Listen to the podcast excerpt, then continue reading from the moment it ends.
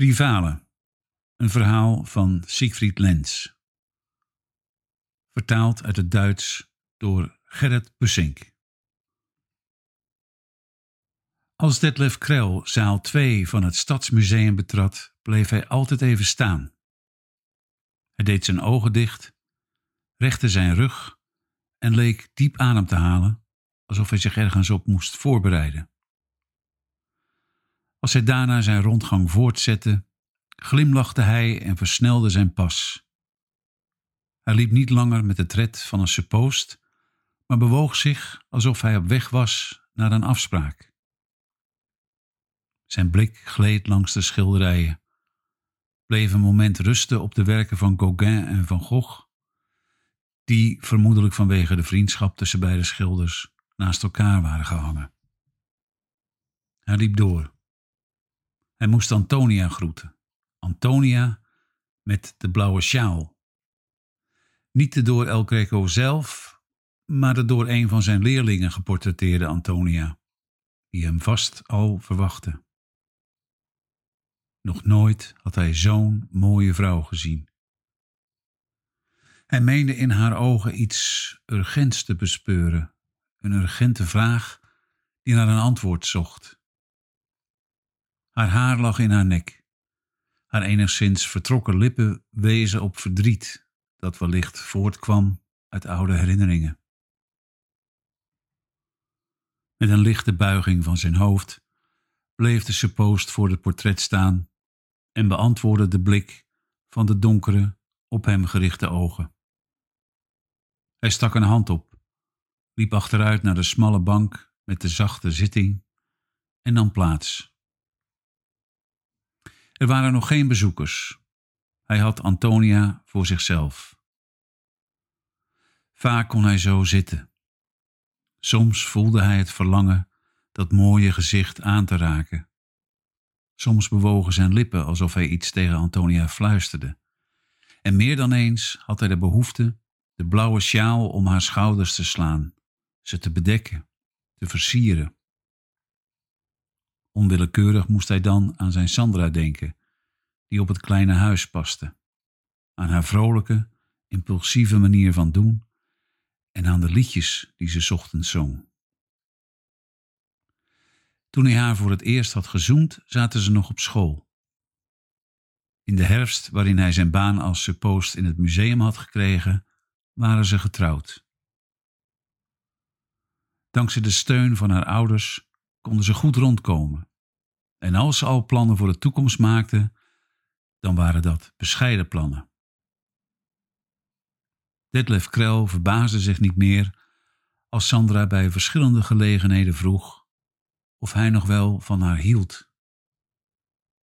Met de voor hem karakteristieke humor antwoordde hij: Er zit niets anders op.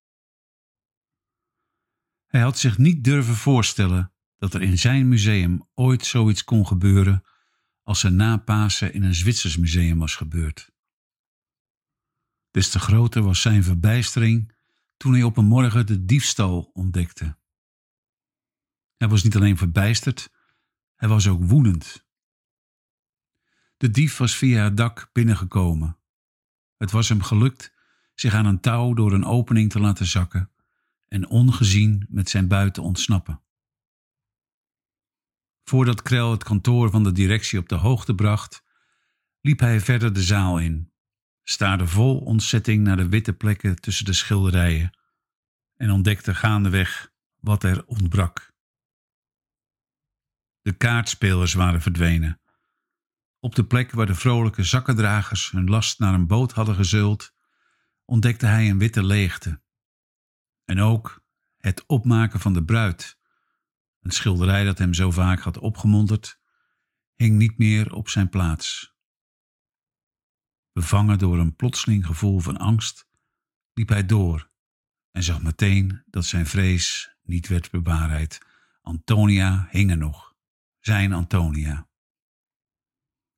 Hij vroeg zich niet af hoe het kon dat de dief haar over het hoofd had gezien.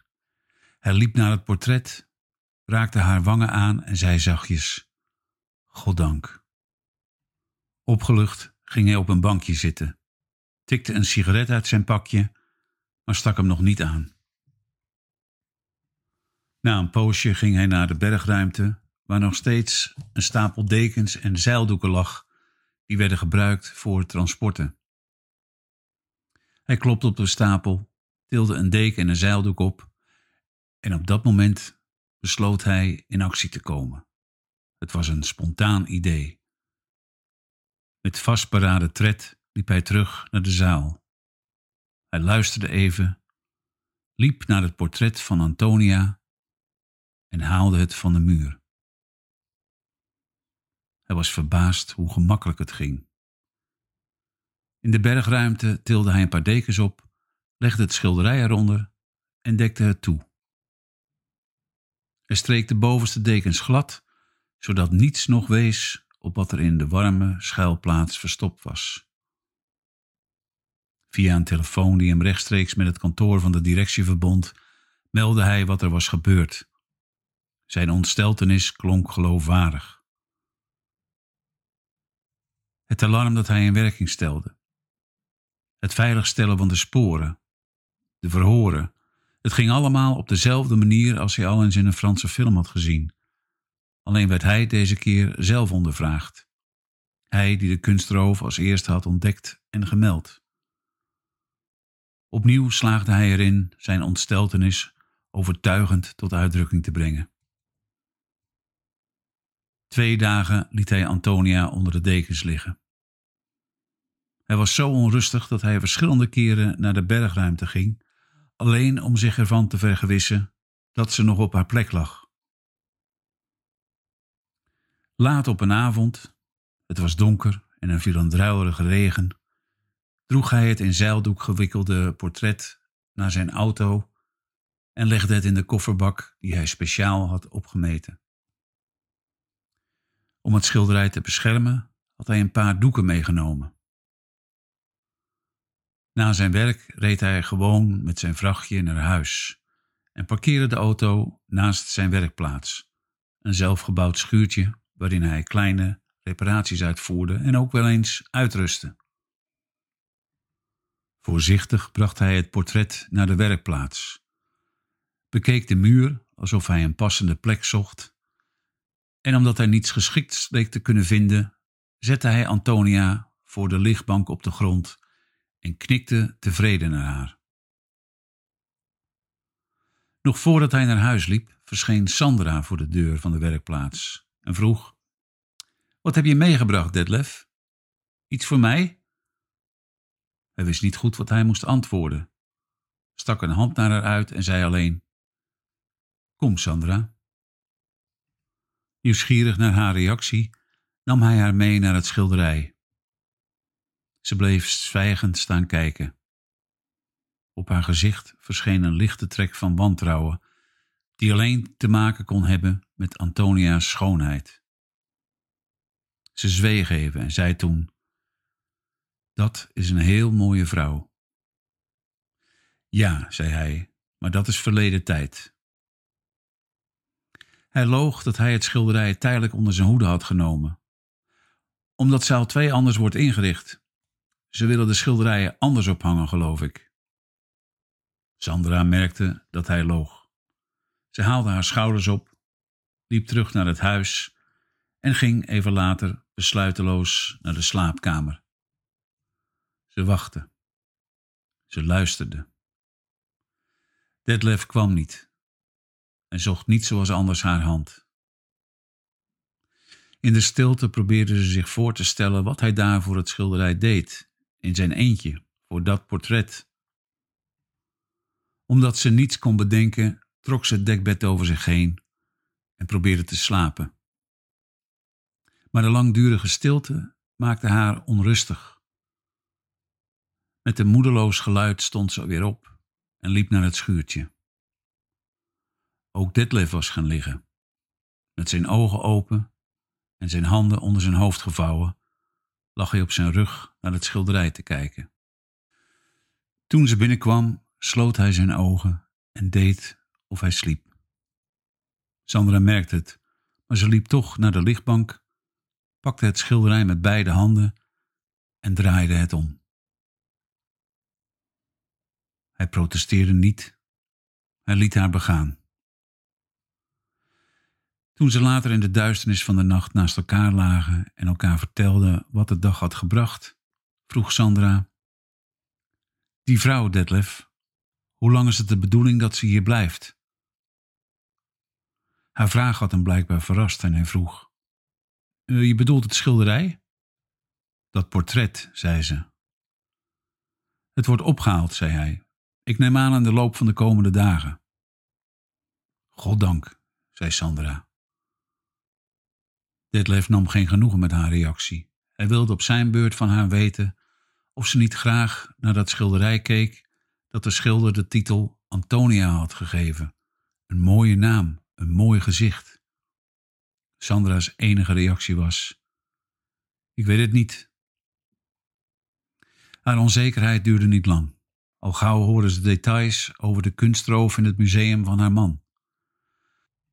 Ze las in de krant dat niet alleen de zakkendragers en het opmaken van de bruid, maar ook het portret van Antonia was gestolen. En alsof dat bericht invloed had op het schilderij zelf, bekeek Sandra het langdurig en met vragende ogen.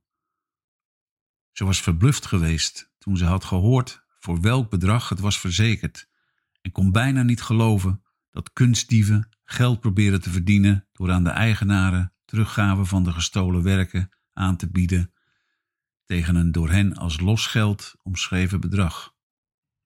Sandra wilde er niet aan dat het schilderij van die vrouw een waarde van een miljoen euro vertegenwoordigde. Ook al wilde ze het niet toegeven, de hoogte van het bedrag vergrootte haar weerzin. Wat haar verbaasde en soms hulpeloos maakte, was het gedrag van Detlef. Hij wilde maar in de buurt van het portret zijn. Hij kon er roerloos, peinzend voor zitten en het soms zo aandachtig bekijken dat het leek alsof hij iets onderzocht of verwachtte. Op een keer had Sandra zelfs de indruk dat hij Antonia een vraag stelde en iets tegen haar fluisterde, om daarna verdrietig zijn hoofd te buigen, zodat het haast leek alsof Antonia antwoord had gegeven. Soms reageerde Sandra geamuseerd en zei ze alleen: Als je maar niet verliefd wordt op dat schilderij. Teleurgesteld en persoonlijk uitgedaagd voelde ze zich echter op een zondagochtend. Want meteen toen ze de woonkamer binnenkwam, ontdekte ze het schilderij dat daar laat op de avond of s'nachts was opgehangen. Het moest stiekem zijn gebeurd, in elk geval op een tijdstip dat Sandra sliep. Even ervoer ze die vrouw als een indringster, die de euvele moed had haar koel en neerbuigend aan te kijken, met een superioriteit waar geen verklaring voor was. Ook al gaf ze het niet toe, die blik riep bij Sandra plotseling gevoelens van haat op. Ze riep Detlef. Met een beschuldigend gebaar wees ze naar het schilderij. Ze vroeg: Wat moet dat? Waarom hangt ze hier? Waarom laat je haar niet gewoon in de werkplaats? Het schilderij hangt hier niet voor goed, zei Detlef. Een poosje kunnen we er wel mee leven. Daarop zei Sandra: Ik zou het prettig vinden als je het weghaalt. Stel je niet zo aan, zei Detlef. Wat heb je toch tegen dat gezicht? Voorlopig blijft het hier hangen. Hij zei het zo kort af en vastberaden dat Sandra hem geïrriteerd aankeek en wegliep. Antonia bleef bij hen. Ze was nadrukkelijk aanwezig. Haar gevoel zei haar dat Detlef bij het zien van het schilderij veranderde en dat zij zelf het gevaar liep iets te verliezen. Op bed huilde ze in haar kussen. Als hij haar probeerde gerust te stellen en vroeg waarom ze zo wanhopig was, kreeg hij geen antwoord. Ze verzweeg wat haar dwars zat. Voor het eerst overwoog Detlef het schilderij terug te brengen en weer op de nog altijd lege plek te hangen. Terwijl hij nog over het plan nadacht, kreeg hij onverwacht bezoek. Een man die zich advocaat noemde, wilde een dringende aangelegenheid met hem bespreken en stelde voor elkaar in een restaurant te ontmoeten. Detlef was ongerust toen hij op de voorgestelde locatie verscheen, want hij had het voorgevoel dat de man met hem over het schilderij wilde praten. Hij vergiste zich niet. Nadat de advocaat had uitgelegd dat hij optrad namens een cliënt, liet hij doorschemeren dat hij op de hoogte was van de diefstal. Sterker nog, dat zijn opdrachtgever hem had gemachtigd voor het kunstwerk een som van 400.000 euro te bieden. Detlef wilde niet weten hoe de advocaat aan zijn informatie kwam en ook niet wie het geld had aangeboden. Hij was niet in staat om tijdens het gesprek een beslissing te nemen. Antonia bleef bij hen en elke dag moest hij aanzien hoe Sandra onder de aanwezigheid van het schilderij leed en welke vorm haar weerzin of verbittering aannam. Wat de meeste indruk op hem maakte, waren de dreigende gebaren die ze soms in het voorbijgaan maakte. Waarschuwend opgeheven hand, het schudden van haar hoofd. En niet in de laatste plaats de momenten waarop ze werd overvallen door een huilbui. Toen begon hij medelijden met haar te krijgen. Helemaal van slag raakte hij op de ochtend toen hij voor Antonia verscheen en nog voordat hij naar haar knikte, zag dat dit niet het bekende gezicht was waar hij zo van hield. Over haar wangen, van haar ogen naar haar kin, liepen snijwonden die met grote verbittering leken te zijn toegebracht. De wonden mismaakten het gezicht en gaven het een enigszins grijnzende uitdrukking. Hij kreunde. Hij stond naar de verwoestingen te kijken, balde zijn vuisten en slaakte een kreet. Alsof hij ook moest voelen wat hij zag, streek hij met een vinger over haar wonden, waarbij hij een onbekende pijn meende te voelen. Hij voelde een verlangen naar vergelding in zich opkomen. Vastberaden liep hij naar de slaapkamer. Sandra lag op bed. Met beide handen hield ze een kussen vast en jammerde. Verbitterd vroeg hij: Hoe heb je dat kunnen doen? Haar lichaam schokte onder een nieuwe huilbui en Detlef besefte dat ze niet in staat was uit te leggen wat ze had gedaan. In haar wanhoop was ze onbereikbaar. Detlef zag er vanaf haar ter verantwoording te roepen. Hij keek naar haar en wist opeens wat hem te doen stond. Op een gunstig moment bracht hij het schilderij terug naar zaal 2 en hing het op de plek die nog altijd leeg was. Daarna nam hij zijn Antonia met een onderzoekende blik op. Ze leek het met hem eens te zijn. Een paar dagen later las hij in de krant dat een blijkbaar berouwvolle kunstdief het gestolen schilderij naar de eigenaar had teruggebracht. In beschadigde toestand, maar het kon weer worden bekeken en bewonderd.